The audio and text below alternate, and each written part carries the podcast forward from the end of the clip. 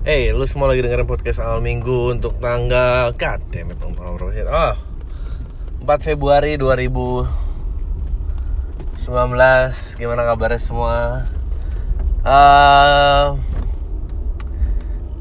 kemarin hari Jumat sih Jumat uh, Abis perform di MLE All Star MLE Goes to Bandung I mean it was a great show Sayang cuacanya hujan. Uh, I hope you guys enjoy it Yang pada semua datang. Uh, I surely am. Uh, uh, Sorry kalau ada kekurangan ini itu ini itu. Kasih ya. But you know uh, Starting to taking shape gitu. Gue sih pengen banget ya uh, ngadain spesial lagi mungkin habis pilpres. Uh, biar agak tenangan dikit. Dan yang paling bikin deg-degan adalah uh, RUU permusikan I don't know man. Gue tuh bingungnya kayak gue mana mau so pinter tapi kayak obviously pasti ada orang-orang yang pinter. But you know most of langkah yang diambil tuh kayak semuanya tuh sensasi gitu ya kayak selalu bikin kayak oh ya maksudnya kayak nggak pernah ada satu move yang lo berusaha muji gitu fuck what a brilliant governance yang gue punya gitu. Maksudnya gubernur pergerakan atau pengambilan sikap dari pemerintahan yang perfect gitu. Uh, I don't know uh, kenapa kayak gitu gitu. Uh, gue lagi gue lagi dilematis karena I know in the past I said stuff like you know kontrol tuh perlu uh, kebebasan berbicara itu mungkin konteks yang sudah tidak 100% relevan karena um, I'm not saying we should go full blown kayak Cina di mana semua diukur terus untuk meningkatkan ketertiban satu warga bisa menilai warga lain dan kalau warganya tidak melakukan uh, good citizenship itu di apa namanya di kenain sanksi dengan bikin trip lebih mahal lo nggak bisa ke mana-mana you know. Nggak tau lah uh, gue nggak bilang kayak gitu. Uh, gue nggak bilang nggak nggak di semua subjek gitu. Uh, gue merasa kayak misalnya UU terorisme gitu ya. Kasus berkasus ya kayak waktu itu gue pernah ngomong uh, mungkin waktu lagi sama PPM gitu tentang UU terorisme dan uh, teman-teman yang belum mungkin mengikuti pergerakan teman-teman gua gitu yang ikutin pergerakan 98 merasa bahwa uh, you shouldn't give more power to your government. Uh, karena nanti ntar itu cuma pasal karet buat lo gitu ya. Ya udah terjadi di UU ITE uh, tapi UU ITE itu aneh itu kan transaksi elektronik ya dan terus sekarang UU ITE berkawin dengan pasal pencemaran nama baik dan masalahnya gue tau sih masalahnya sebetulnya sebetulnya bukan nggak boleh ada kontrol. Permasalahannya kontrol yang udah diterapkan itu nggak pernah ada pengaplikasian yang baik gitu. Uh, tahu lah. Pemerintah tuh kayak bapak-bapak baru melek internet gitu dan dia kesel kayak kayak kemarin tuh siapa sih ngomong orang telkom lah guys? Yang kamu yang gajinya siapa yang mau yang gaji siapa apa bla bla bla. Terus jadi memes. Um, dan terus kita masuk ke RUU permusikan. Gue tuh gue I'm all for gue selalu mendukung freedom of speech. Meskipun gue juga dilematis men. E, kalau kegiatan terorisme yang homegrown dan segala macam itu mestinya kita gimana gitu menyikapinya. Um, tapi di sisi lain RUU permusikan sih tolol banget sih. Gue nggak ngerti sih ada pasal yang uh, mendukung kegiatan memakai narkoba mabuk apa gini-gini. Men itu itu semua musik bisa kena sih kayak setipsi itu setipsi ya namanya. Alkohol kamu mahal tapi enak something ya. Uh, dan dan gue rasa uh, nggak tahu sih Amerika akhirnya melakukan juga kan uh, bagi orang yang maniak Obama gitu cek the last bill yang dia tanda tanganin sebelum dia keluar dari office it was Christmas tahun berapa gitu. Dia he would consider alternative media itu sebagai something illegal. Um, ya mungkin podcastnya juga uh, one day akan ya pokoknya di ur, promosikan itu kalau nggak salah yang menyebabkan permabuk-mabukan atau kayak mengundang uh, orasi. Uh, pokoknya menyebarkan rasisme atau apa gitu pokoknya. Ya kalau kayak gitu mah lagu 2019 ganti presiden juga kan sih gimana sih? Ada memang mungkin free of speech tuh either you go all the way atau lo nggak sama sekali sih. You cannot make lines of ah, tapi nggak mungkin sih. Gue go all the way juga mengerikan karena ya kayak sekarang ada Foxley benar tapi kalau ada buts butsnya tapi ini tapi nggak boleh itu ya lo akan listnya banyak banget dan susah ngepin point di mana gitu. Uh, yang mendukung pemberontakan apa segala macam men podcast ini juga bisa mendukung pemberontakan. You know what I say? I think uh, Indonesia tuh negara yang sulit mencari income. Mungkin gue pengen tahu penghasilan pendapatan negara tuh dari pelanggaran hukum tuh berapa ya? Kalau dia menduduki peringkat lima teratas dan you probably know why gitu maksudnya. Uh, ya kita dapat dari rokok dari ini kayak kita nggak produce mobil sendiri kayak aturan siapa sih janji apa tuh um, sim seumur hidup. Sim seumur hidup nggak boleh itu berkaitan dengan skill.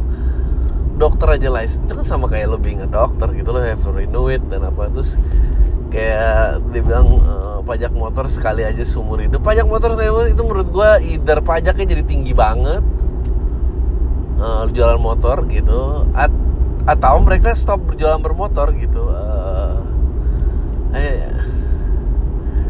that's like apa ya ada kisah uh, jin yang mengabulkan permintaan tapi setiap permintaan ada konsekuensinya gitu. Uh, dan kalau lu potong setengah kalimatnya lu kayak cuma dapat bagusnya doang terus belakangnya kayak ah ternyata ini tuh konsekuensinya kalau full kalimat fullnya gue baca sih gue nggak mau ya. Uh, mungkin itu juga alih-alih alih-alih pemerintahan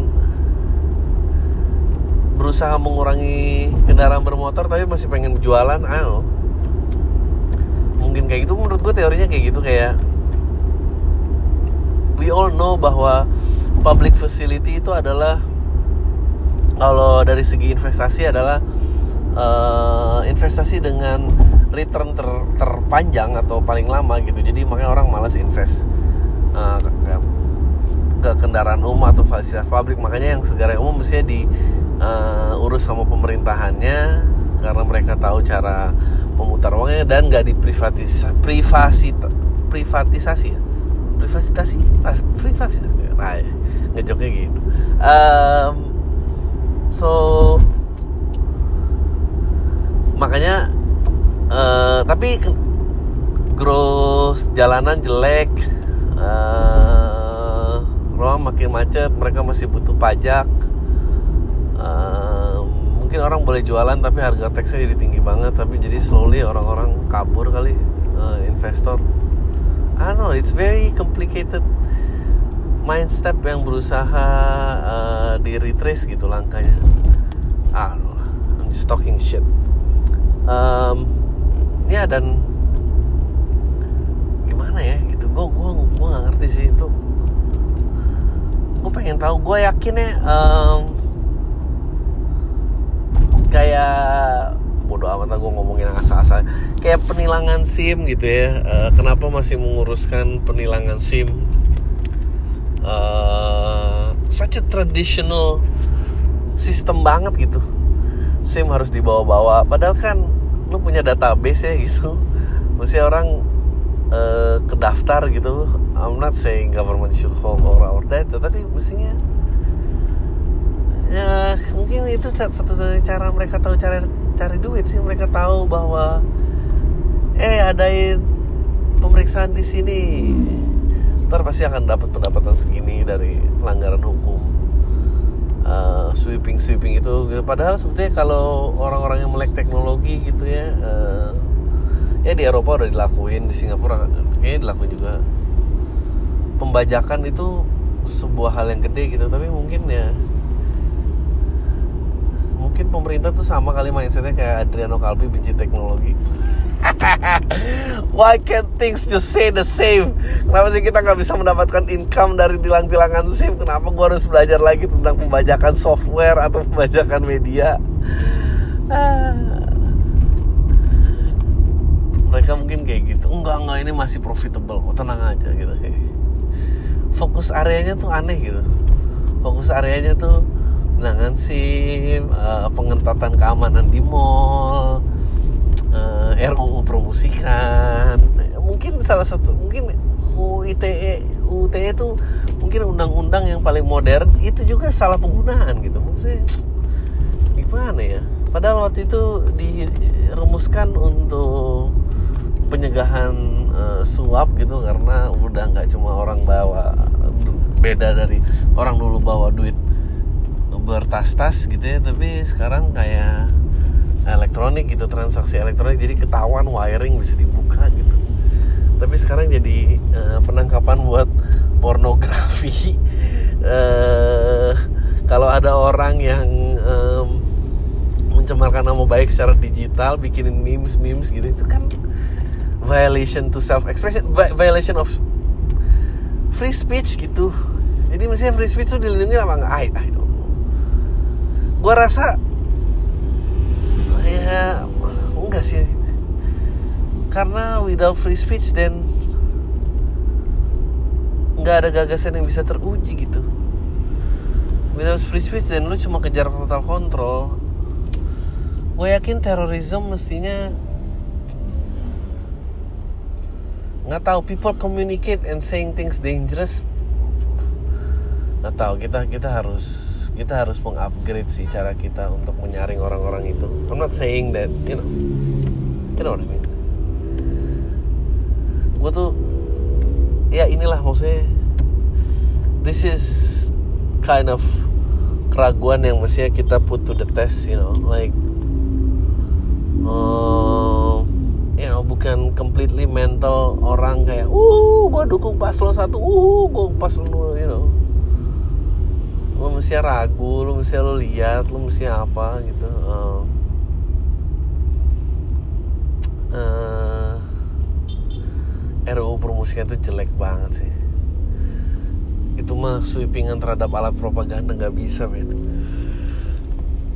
Kita tuh harus terima kritik kalau nggak terima kritik gimana? Itu namanya feodalisme dong. Dangging dong. Ah gue nggak tahu sebetulnya gue pengen ngomong apa. Eh gue ntar lagi losing my mind. Da ya kayak lu setiap harinya cuma makin kecewa aja gitu. Gue belum pernah kayak ketemu satu hari yang gue kayak ah gila gue bangga banget sama pemerintahan gue well gue pernah sih. Uh, I think cara mereka menangani um, apa what do you call it waktu terorisme menyampai Tamrin tuh I, th I think they handle it pretty well. Gue cukup bangga uh, tapi abis itu uh, keluar filmnya kayak itu juga kenapa ya? Film tuh nggak ada yang pernah lo beli gitu kayak apalagi kalau tentang badan hukum negara lo ya? Padahal kalau di luar banyak gitu dihargai kayak SWAT film SWAT ya kalau nggak salah yang Colin Farrell sama Samuel Jackson zaman dulu itu aja orang kayak oh ya kerennya anggota ininya gitu. Uh, oh the rate the lumayan ya. Uh, tahu lah. Sebetulnya biar bisa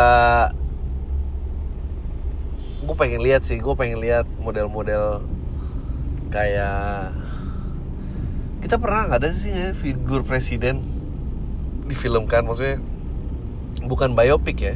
Bukan biopik bukan uh, yang tentang Soekarno waktu itu uh, yang dibikin sama aduh siapa sih? Oh Tio Tio Tio Tio Pakusadewo.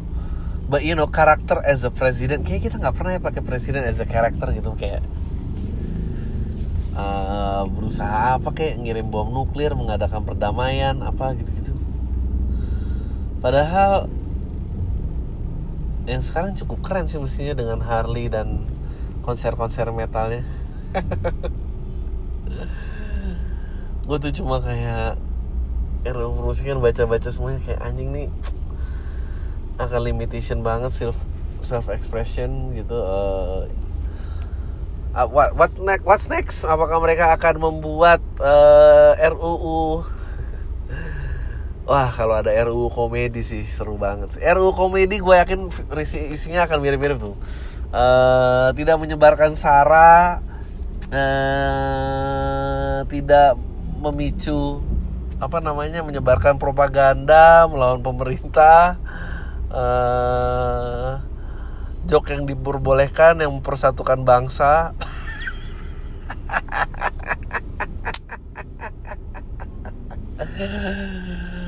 gue langsung ganti positioning sih gue harus jadi nasionalis pada saat itu keluar. Uh, apalagi ya kalau ada RUU komedi itu yang dia bakal bikin uh, berpedoman kepada kagak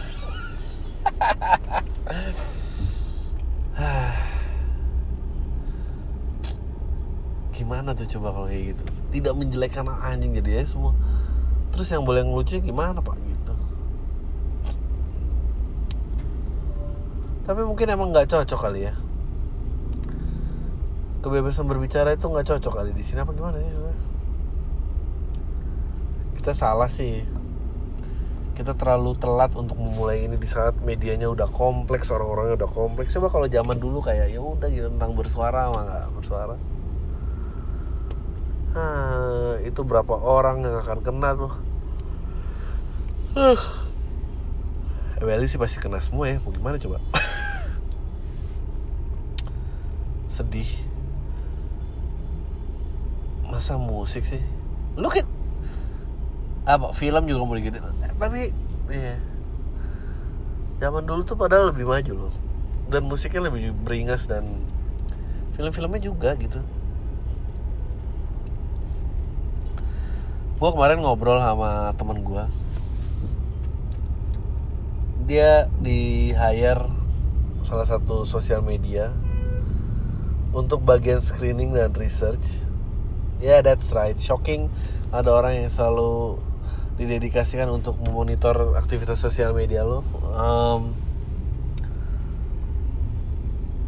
gue nggak tahu sih gue berdiri di mana dalam kasus ini. Dia di screening jadi dia eh, bagian research dan screening agar penyalahgunaan tidak dipakai. Itu gue bilang apa yang didefinisikan sebagai penyalahgunaan? Terus dia bilang uh, yang didefinisikan sebagai penyalahgunaan adalah uh, takutnya nanti ada narasi-narasi yang membuat orang-orang seperti Trump berkuasa lagi. That's so fucking stupid. Billy Joel tuh keren banget sih. Dia udah lihat ini dan lu um, uh, lagunya sih dipopulerin lagi sama Jimi Hendrix ya Along the Watchtower. Gitu tuh cerita bahwa tentang dan kalau ada watchtower yang mengawasi semua dan who's watching the watchtower gitu. Um,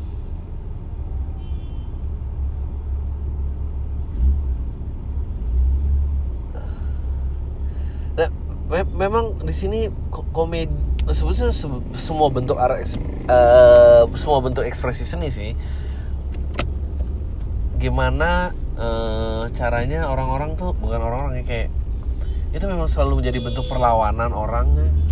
Aduh ditutup lagi jalanan babi lah. Nah apa sih? Um, God damn it. Ya bat makanya batasin dong penjualan motor bangset um, ngomong apa sorry sorry sorry sorry sorry agak lost track. Iya kayak uh, yang menarik dari apa Second Amendment Amerika kan sebetulnya hak bersenjata itu sebetulnya zaman di mana uh, mereka setuju memiliki pemerintahan dan kalau pemerintahannya go nggak bisa dikendalikan dan go off the rails warga berhak melawan pemerintah ya sebetulnya yang diomongin adalah itu um, dan kalau misalnya gue tahu sih there's a lot of shit going on in in uh, dark web gitu ya atau uh, Facebook pernah overthrown a country uh, a lot of shit gitu. Nah terus kalau ada badan-badan sosial media yang usernya besar banget terus memiliki departemen-departemen seperti itu itu, itu, itu apa ya gitu. Gimana memposisikannya coba? Gue nggak tahu kayak apakah apakah sensor itu diperlukan? Apakah sensor itu diperlukan? Gue pada saat sudah menjadi terorisme dan uh, dan mengambil apa uh, mengambil korban mengambil korban di situ kita akan nyesel kayak oh ya I wish there was more control and bla bla bla bla bla bla bla. Tapi kalau misalnya di makanya jokes uh, music ya all semua self expression art gitu uh, akan hilang sih. Tempatnya di mana kalau kayak gitu? Apakah device yang salah? Tapi kan device tidak pernah salah, device tidak punya perasaan, hanya manusia bagaimana menggunakannya, cik. Nah, I really don't know. It's very confusing right now. Uh, dan gue mengajak lu semua untuk bingung. Um, ya, yeah. think about it. I mean, misalnya yang oh salah satu yang keren daripada waktu uh, Minority Report, I think it's Minority Report deh. They mereka try to prevent crime before it happen, uh, and I think itu kan dilema yang menarik sekali ya. Should we stop crime before it's happening? Uh, memang akhirnya kalau dalam pengajaran Buddha pun uh, the balance itu adalah order and chaos gitu dan how life performs adalah uh, membiarkan balance itu tetap seimbang gitu. Satu tidak menguasai yang lain dan uh, kita diputar-putar dengan uh, penderitaan gitu dengan suffering dan maka ada yang berusaha menertibkan ada yang berusaha uh, melawan gitu. Uh, untuk keluar dari uh, pemikiran ini kita harus transcend. Uh, tapi memang mungkin sekarang menurut lo di posisi sekarang order apa chaos yang jauh yang lebih berkuasa? Gue kok gue merasa dulu mungkin kayak ada periode yang lama gitu oh order berkuasa lama terus chaos berkuasa lama. Tapi mungkin sekarang rotasinya cepet banget sih. I think it's faster than you can imagine. Uh, buat gue sendiri nggak tahu ya. Kalau kasusnya tentang homegrown terrorism then we hope uh, itu nggak kejadian karena orang suffer. Itu mengakibatkan penderitaan orang lain. Tapi atau manusia mesti belajar mengatasi penderitaan sih. Dan yang bisa kita lakukan hanyalah uh, punishment. Mungkin gitu kali. Karena yang menarik dari minority report waktu itu kan kayak kalau lu prevent uh, prevent crime before it's happening dan itu crime apa bukan crime? Minority apa bukan? Ada. Pokoknya adalah film sejenis itu.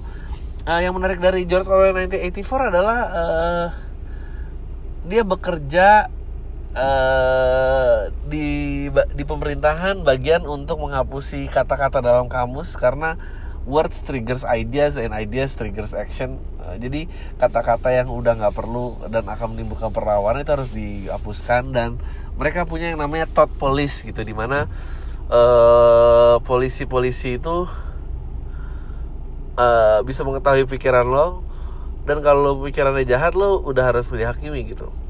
Of course kayaknya kalau lihat itu ah itu ridiculous itu ridiculous gitu. Bentuknya seperti ridiculous. Tapi kalau misalnya it's taking shape like gue bagian uh, research dan fasil fasilitasi uh, di sosial media platform that's a thought police man. That's a thought police dan dan uh, who's watching that that person? Maksudnya masa semua pervert thoughts uh,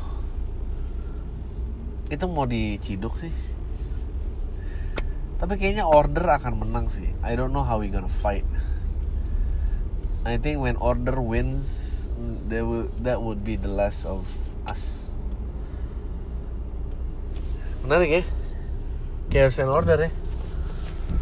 Uh, apakah yang tidak chaos cinta kali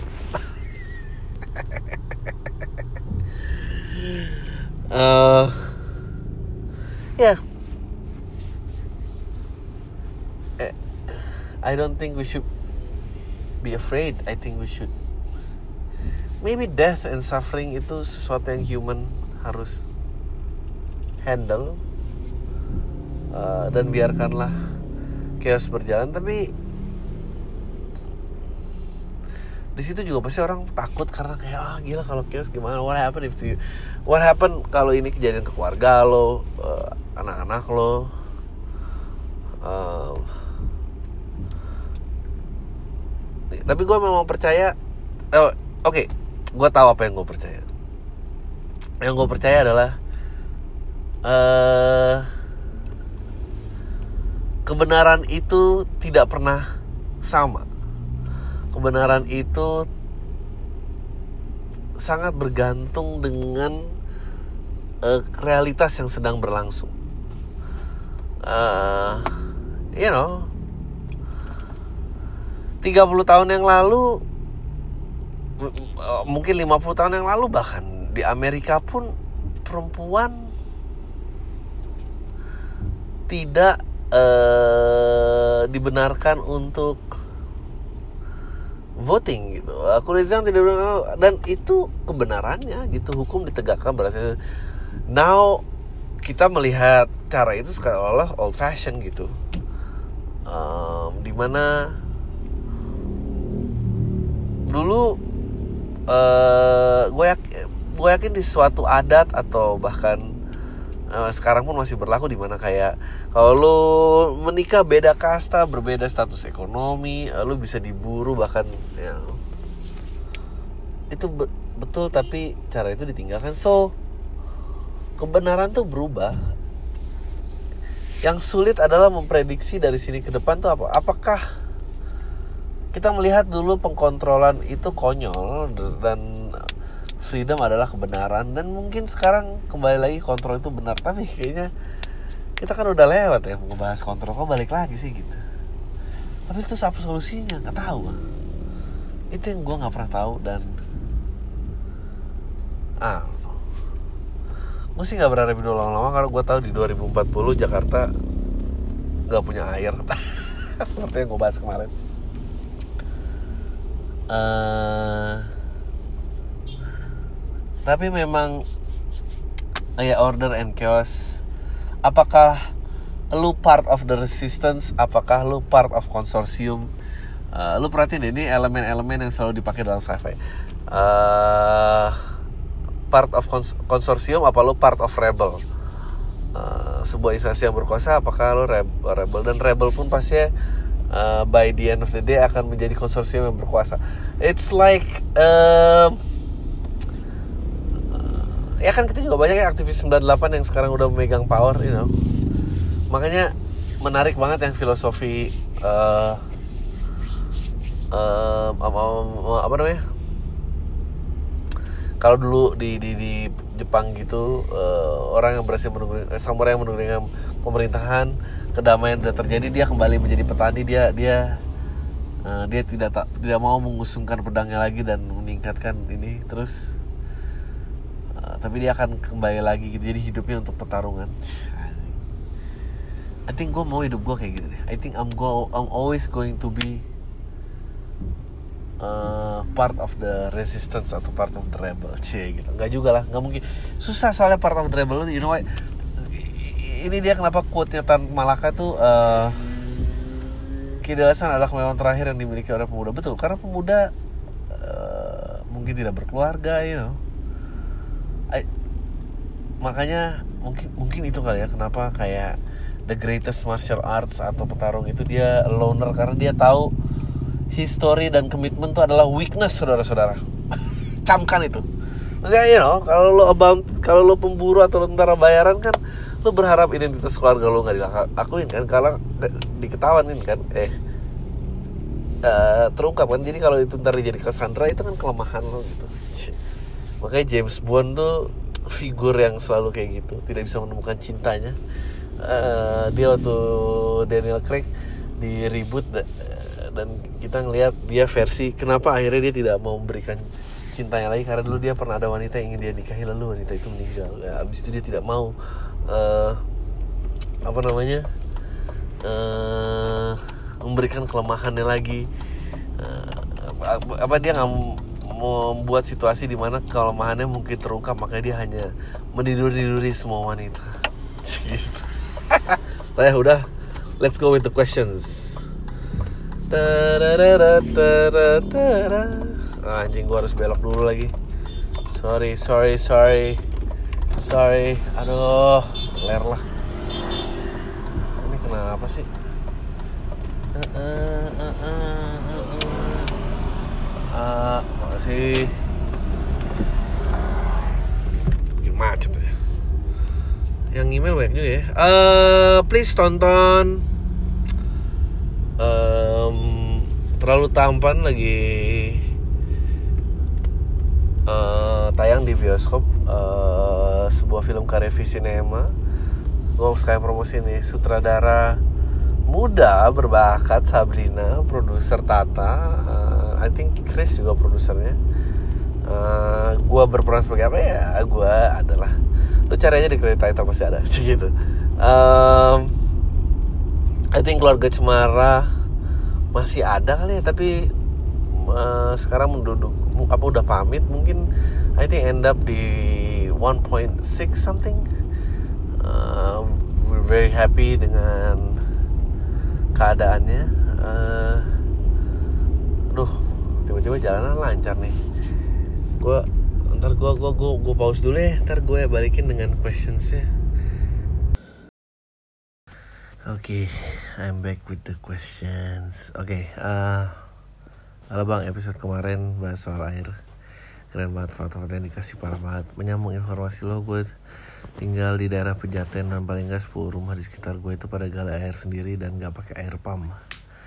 Uh, gue tau ini karena suami asisten rumah tangga gue itu tukang ngebornya termasuk orang tua gue sih setelah denger pam gue langsung coba bahas ke orang tua gue kita nggak mau pakai langganan pam aja terus nyokap gue bilang dengan santainya kamu mau mandi gatel-gatel jelek tau.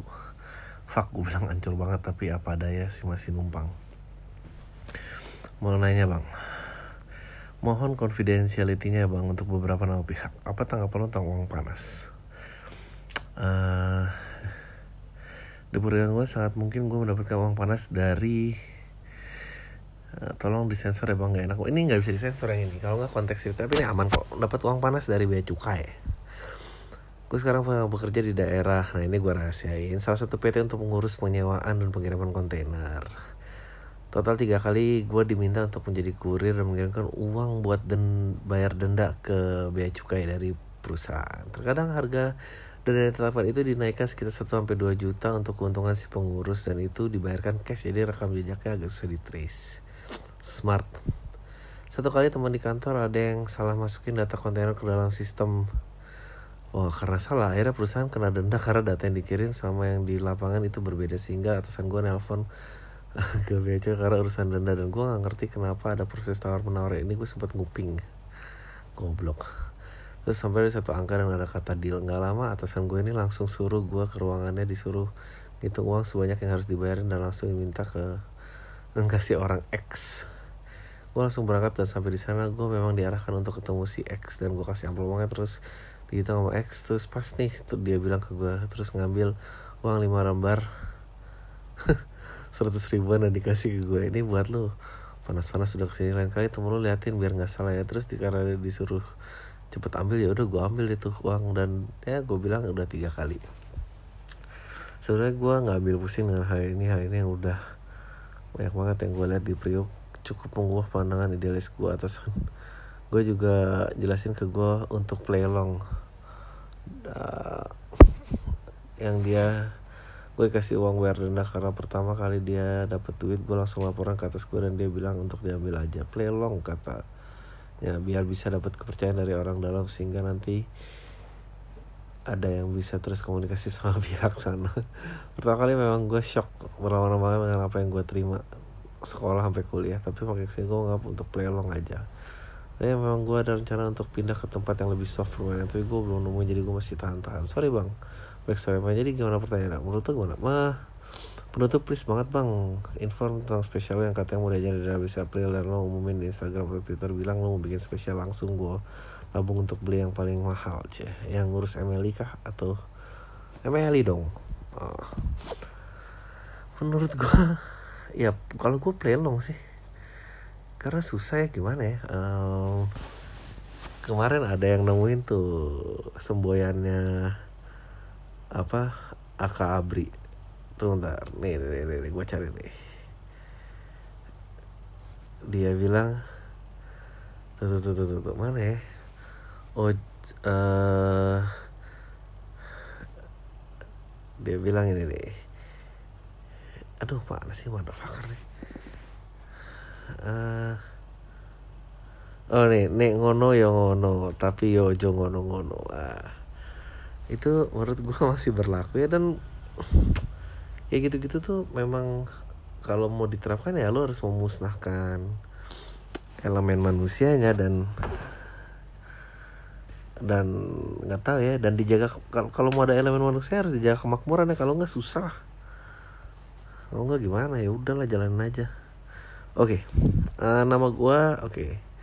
nggak usah disebut perempuan baru 22 tahun satu pendengar podcast al minggu di Spotify. Gue berapa kali mendengar lo membacain email dari audiens podcast sehingga gue tertarik menceritakan kisah baru aja yang gue alami sekitar terakhirmu setahun terakhir mungkin bisa jadi kisah jadi gini selama 8 bulan gue mengucilkan diri dari lingkungan I'm off sosial media. Pada saat itu gue minder dan tidak mau menyintai diri sendiri. Pada saat itu gue merasa depresi dan memang gue benar-benar dan benar-benar ganggu seluruh aktivitas gue asal muasal hal tersebut karena gue sangat tertekan dengan sosial ekspektasi yang besar ke gue waduh 22 tahun apa sih yang dialami? Tarik mundur tiga setengah tahun ke masa kuliah. Gue bisa dianggap panutan atau acuan anak jurusan di angkatan gue tak bermaksud membanggakan diri nih bang.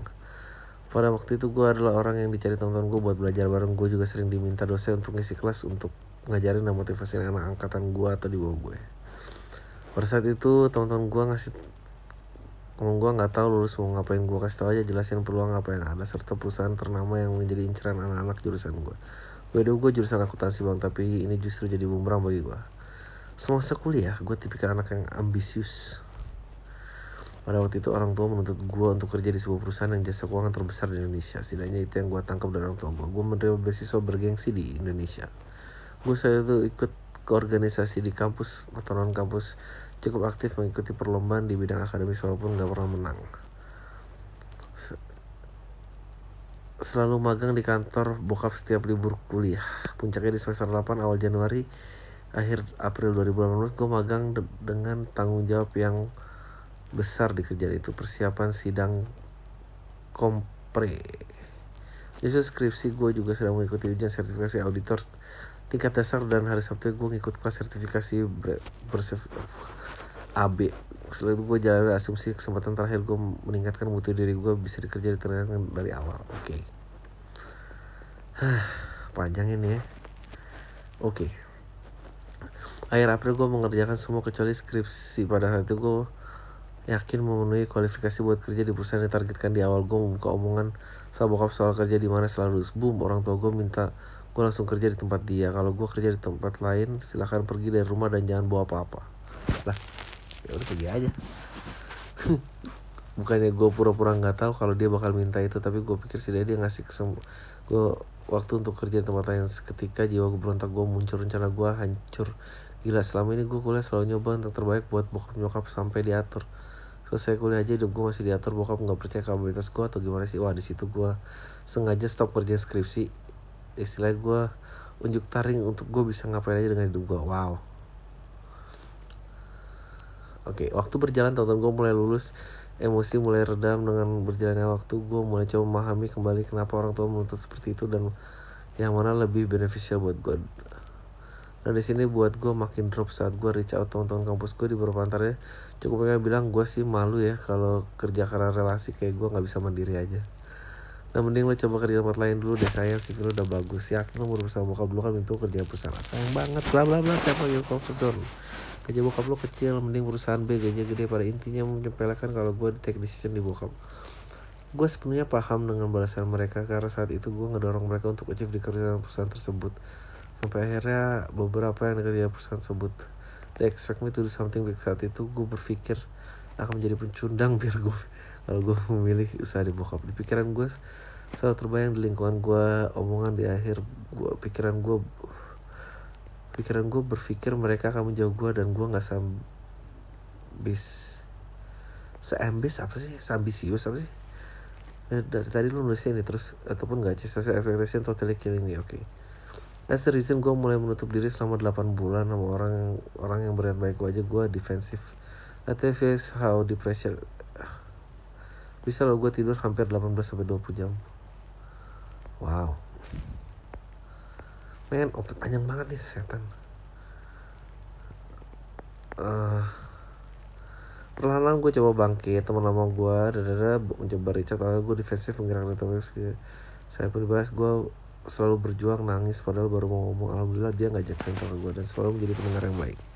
Dengan terbukanya gue di gue lebih mampu berpikir jernih meredam ego dan lebih mengenal diri sendiri. Akhirnya gue mengambil keputusan gue bakal kerja dan lanjutin usaha bokap. Justru ini bukan zona nyaman gue kalau gue pilih nyaman gue bakal kerja di luar dengan gaji gede oke. Okay.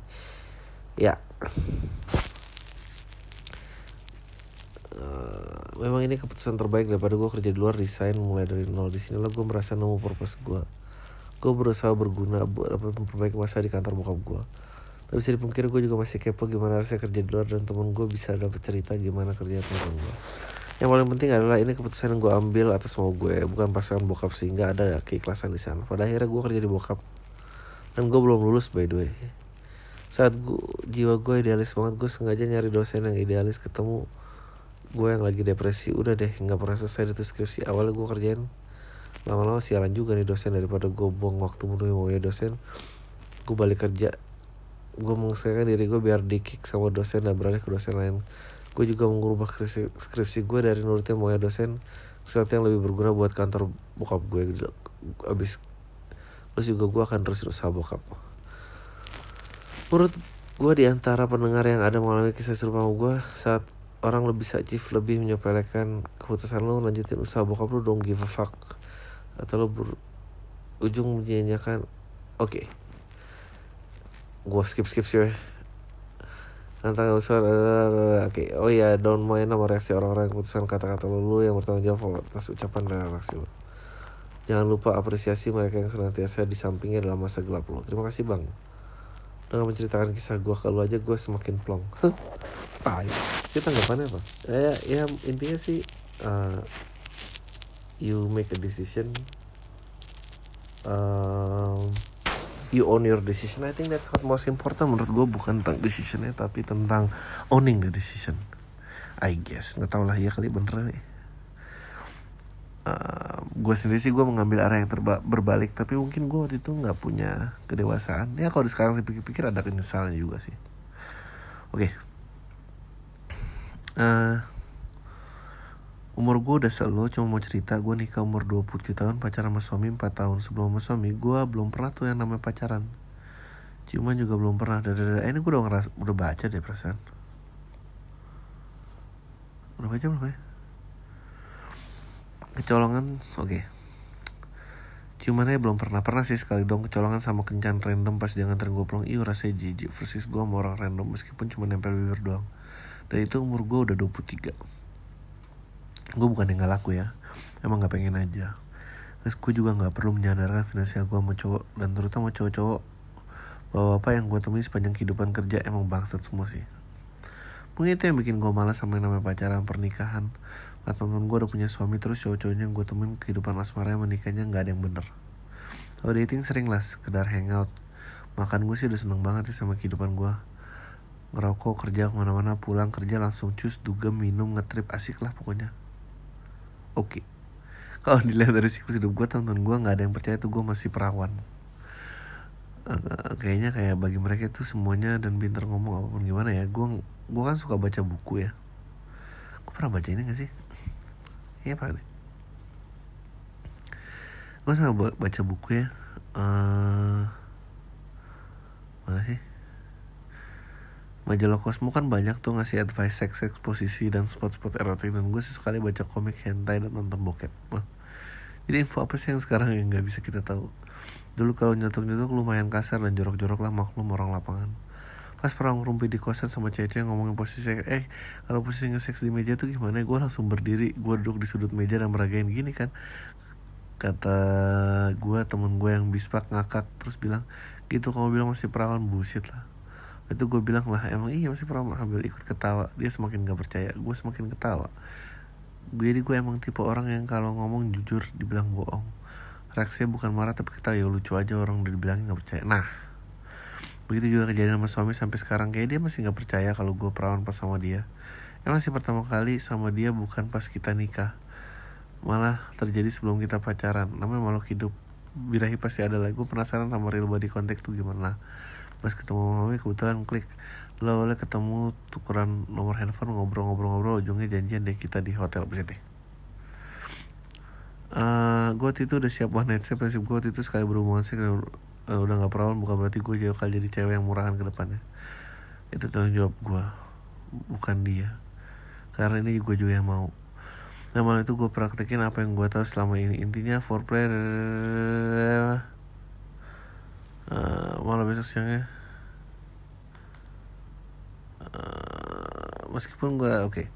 meskipun suami nggak 100% sama goblok. Toh dia juga nggak bakal bisa ngebuktiin gue aneh-aneh sama cowok lain ujungnya dunia karena ya emang gak ada. Udah situ aja. Dunia itu luas. Yang cupu-cupu dibalut dengan cover lonte kayak gue aja. Ada juga yang sebaiknya cupu-cupu isinya lonte. Hidup tuh asik isinya nggak melulu harus tentang relationship cewek cowok thanks bang udah mau baca ya gue rasa perempuan perlu banyak lagi yang kayak gini-gini uh, bukan kayak gini sih tapi lebih kayak you know owning, owning your body owning your decision owning the knowledge. Uh, ya balik lagi sama cerita yang sebelumnya. Uh, penting banget sih. It doesn't matter what you choose tapi yang penting lo own your decision. Uh, pengaruh pasti ada tapi ya lo own apa aja gitu dan itu susah dilakukan gitu. Maksudnya banyak banget orang yang komplain karena selalu situation takes over decision gitu. Dan jangan sampai kejadian terus aja. Oke. Okay. gue baru dengar PAM 28 Januari. Pas lo ngomongin masalah illegal trafficking trading sih pas lo ngomongin masalah gimana cara nemuin demand untuk supply bahan pangan lewat data pertumbuhan masyarakat lain. Kebetulan oh ini jangan dibacain oke. Okay. ah ngapain sih kalau Oke, mengenai podcast terakhir 21 Januari, saya rasa abang harus baca buku Diamond and Freedom by Daniel Suarez. Banyak konsep yang menentang dunia manusia sekarang. Oke, gue coba cari. Oh iya, gue udah bacain yang semua. Oke, Gue mau cerita kerjaan kerjaan gue nih bang. Jadi gue dokter hewan yang membawahi beberapa karyawan di perusahaan gue. Eh lucu banget dokter hewan. Oke. Tiba-tiba sore tadi dapat telepon dari atasan, seorang manajer yang memindahkan anak satu anak buah gua ke anak perusahaan yang jauh dari tempat dia tinggal. Gue tanya ke manajer alasannya pemerintah langsung perintah langsung dari owner perusahaan. Dalam hati gue ngapain owner ngurusin mutasi karyawan? Biasanya kan HRD gue tanyalah mana anak buah yang ibu tadi karena dia pernah cekcok hebat sama yang namanya sebut saya mawar karyawan sini juga sekretaris Mawar ini setiap owner datang dia yang nemenin sampai sering berduaan di ruang meeting dan dikunci. Everybody knows that. Dan si ibu-ibu yang dimutasi ini gak ada salah yang menurut gue sebagai atasannya langsung. Bahkan dia satu-satunya yang qualify secara akademik dan kinerja posisi dia sekarang. Gue harus gimana bang? Mendebat ini kah? Biarkan saja bang, kasihan. Oh iya, dokumenter apa yang perburuan singa kemarin judulnya? Gue lupa namanya apa. eh, nggak tahu lo harus tanya orangnya mau ditolongin apa nggak kalau orang yang ngerasa terima-terima aja ya lo ya lo harus rela ngelewatin gitu. Kalau enggak ya lu nggak tahu ya. Seberapa jauh gitu mau dibela. Kalau harus siap sama konsekuensinya lu mungkin kehilangan pekerjaan lu juga sih. Itu aja sih kalau mau. Bang rekomendasi buku bacaan selera dong. Kalau boleh jelasin kenapa? Aduh gue udah sering nih. Tadi gue juga nyebut beberapa buku ya lu baca aja. Pakai jelasannya kenapa lagi? Pokoknya lu baca Sherlock Holmes semua I think that's fiction yang gue suka. Nah, kalau yang propaganda propaganda gitu ya fiction I think for fiction Brave New World fiction Confession of Dangerous Hitman eh Economic Hit Confession of Economic Hitman itu keren. Eh, apa lagi ya Sapiens gue belum kelar Sapiens. Gue mau nanya pentingnya meditasi buat lu. Gimana sih bang cara meditasi? Gue nyoba ketiduran mulu sedangkan di forum diskusi katanya mereka bisa sampai berasa di pegunungan lautan dan lain-lain. Ya lo tuh di antara sadar dan sebelum tidur itu titik yang lo raih. Eh, coba aja durasinya pendek dulu nggak usah nyoba panjang kayak cuma dua menit gitu. Tapi lu benar-benar menikmati napas lo gitu. Terus kalau lo bisa terus tambahin tambahin tambahin. Eh, fungsinya buat gue membreak momen- momentum di mana gue tuh nggak harus selalu terbawa suasana dan lain-lain gitu lah oh iya. Gue mau cerita dulu nih gimana ceritanya gue bisa dengerin podcast lu. Jadi waktu Oktober 2018 gue mulai internship di bidang programming. Kerjaannya adalah 8 sampai 16 sepanjang kerja tuh gue ngerasa bosen banget terus gue sering nonton podcast di YouTube. Tapi karena podcastnya dia baru dikit episode gue langsung cari podcast alternatif di Google. Sampai lah gue ke podcast al minggu. Jadi gue dengerin podcast lu tuh dari satu saat terhitung tanggal sekarang sampai gue dengerin 8 episode.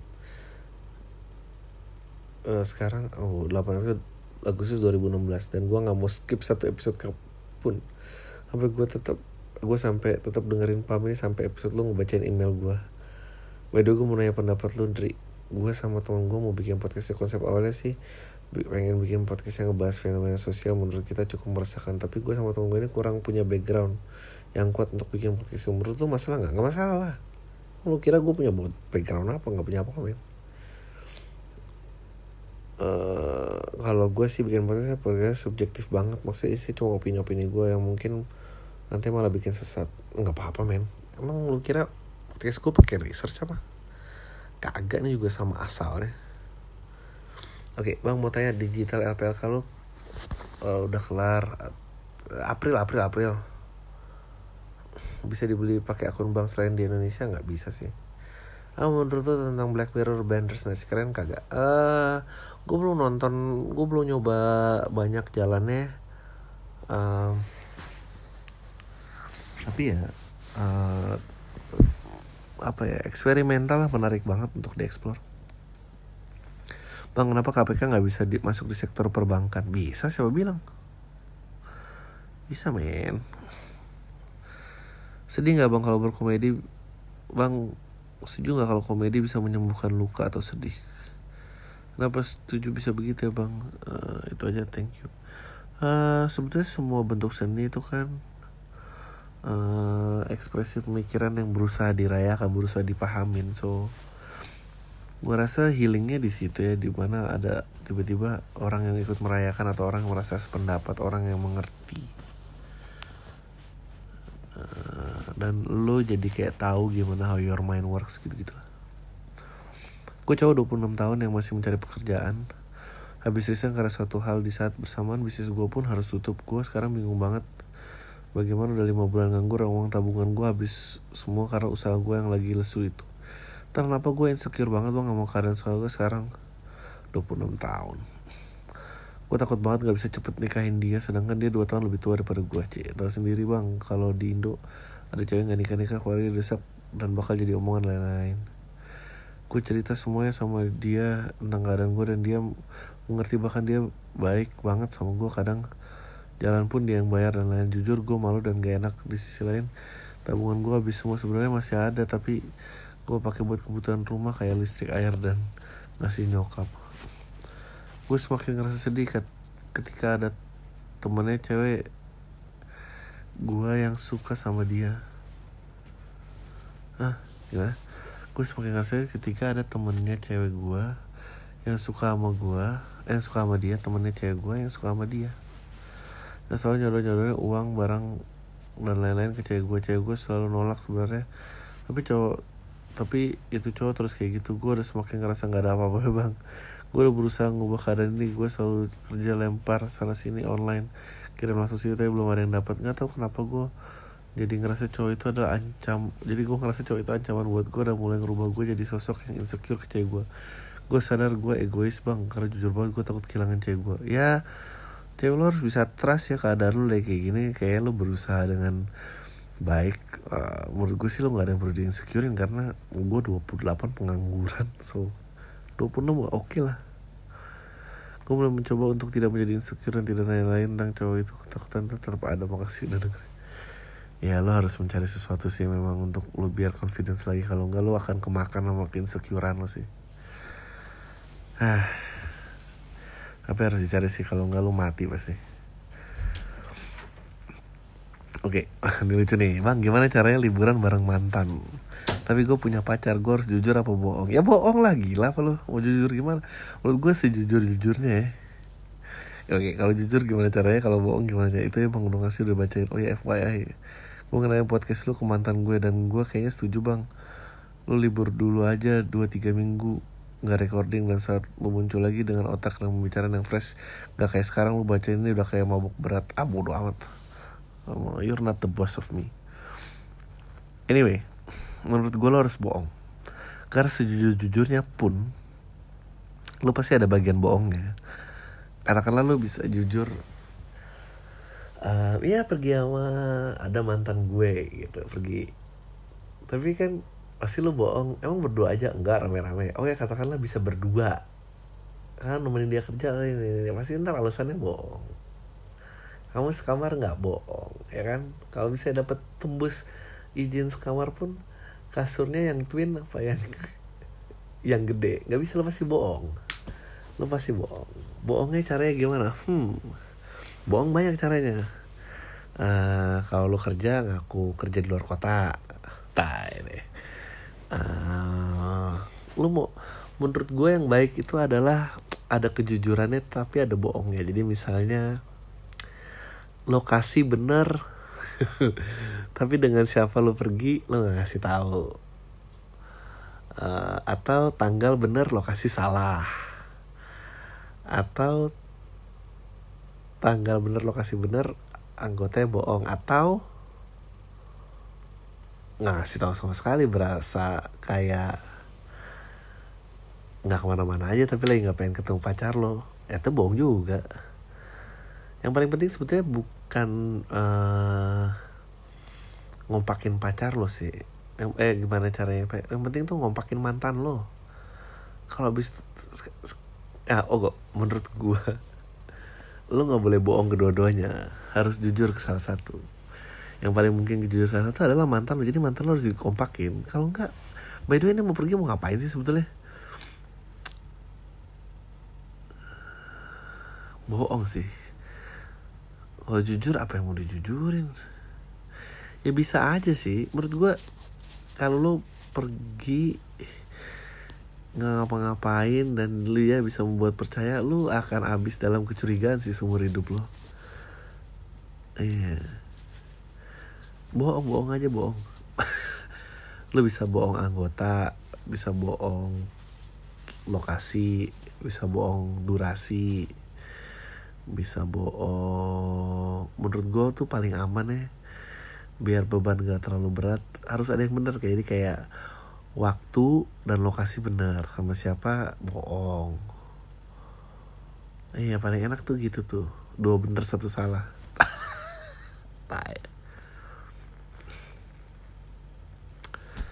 oke gue satu mengenal podcast gue usah disebut email gue 17 tahun dalam sekarang mengalami masa remaja menurut gue aneh. Gue pengen minta opini lu karena menurut gue lu adalah orang yang open-minded dan rasional. Sorry kalau agak banyak.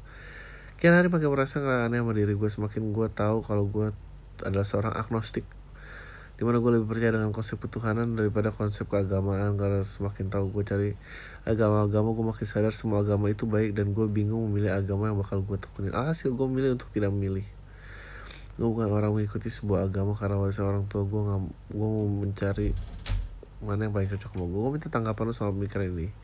Menurut lu pemikiran gue salah nggak menurut gue sih nggak salah tapi menurut gue lu terlalu mudah untuk menyimpulkan. Menurut gue lu bagus punya critical thinking tapi ya dijalanin aja dulu. Gue mungkin takut bakal jadi titik yang aneh dan bakal dikucilkan orang-orang sekitar gue ya pasti kalau lu kasih semua orang pasti lu kucilin. Jadi nggak usah dikasih tahu uh, dan biarin aja gejolak itu terjadi dan ikutin aja lu ada di mana. Sorry kepanjangan lanjutan. Terus pam lu gue tunggu tunggu ah. Oke dua lagi nih. Gue baru dengar podcastnya sekitar sebulan. Gue mau nanya nih. Jadi kakek kakek gue baru meninggal kemarin. Gue inget mulu kata-kata kakek gue yang nyuruh gue potong rambut. By the way potong gue gondrong sebahu gue bingung bang apa yang harus gue potong? Eh apa harus gue potong rambut gue yang udah gue panjangin selama satu tahun apa enggak ya? Nah, tahu potong aja men. Anjing baru sekali nih pertanyaan kayak gini. Oke, okay, nggak usah sebut nama. Aku pendengar siapa sampai sering kecekikan sendiri dengar teman-teman semoga Pam lanjut terus ya dan makin naikkan level fame. Jadi gini aku punya teman kuliah cowok dan sering nongkrong karena emang aku temennya sama cowok. Oh ini perempuan ya? Oke. Okay. umur aku 22 tahun aku udah lulus kuliah tahun kemarin uh, kalau teman yang aku baru lulus ini Maret tahun ini.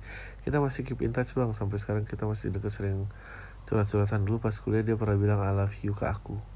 Aku juga emang demen sama dia sih. Promosinya kita sama-sama punya pacar dan pas bilang I love you itu kita lagi di kosan berdua dan kita ciuman. Wah. Habis itu blast. Deh pokoknya uh, we're fuck buddy. When we never officially date. But we treat each other as a couple and do and doing that sex thing wah. Sampai suatu saat dia putus sama pacarnya dan beberapa lama aku juga putus sama pacar aku. Tapi posisinya kita sama-sama nggak tahu kalau kita jomblo aku jadi sama cowok lain pas dia pas banget dia mau nembak aku. Tanya dia kan selalu nggak tepat waktunya but it doesn't stop us from doing our habits. Aku sempat udah kepikiran sih mau udahin aja hubungan gak jelasnya aku sama dia. Tapi minggu depan dia mau ke kosan bang. Kan sayang kalau ditau tai. Tapi ini serius sih. Menurut abang mending aku udahin aja sama temen cowok aku ini atau gimana ya? Kita sama-sama punya pacar lagi sih sekarang. Tapi aku juga nggak yakin aku putusin pacar aku yang sekarang dan jadi teman sama temen dan jadi sama temen cowok ini hubungannya udah bakal benar. Kita juga udah nggak pernah bahas hubungan kita lagi mau jadi apa ntar lagi. Kayak terlalu fun aja untuk jadian sama selingkuhan tuh. Udah gitu aja terus ya ah menurut gue sih jalanin aja lah. Lihat aja gimana jadinya. Uh, kalau emang ketemu waktunya ya oke. Okay. kalau enggak ya udah gini-gini aja lah. Paling ntar ketangkep basah salah satu. Dah itu aja. Tanya semua. Deh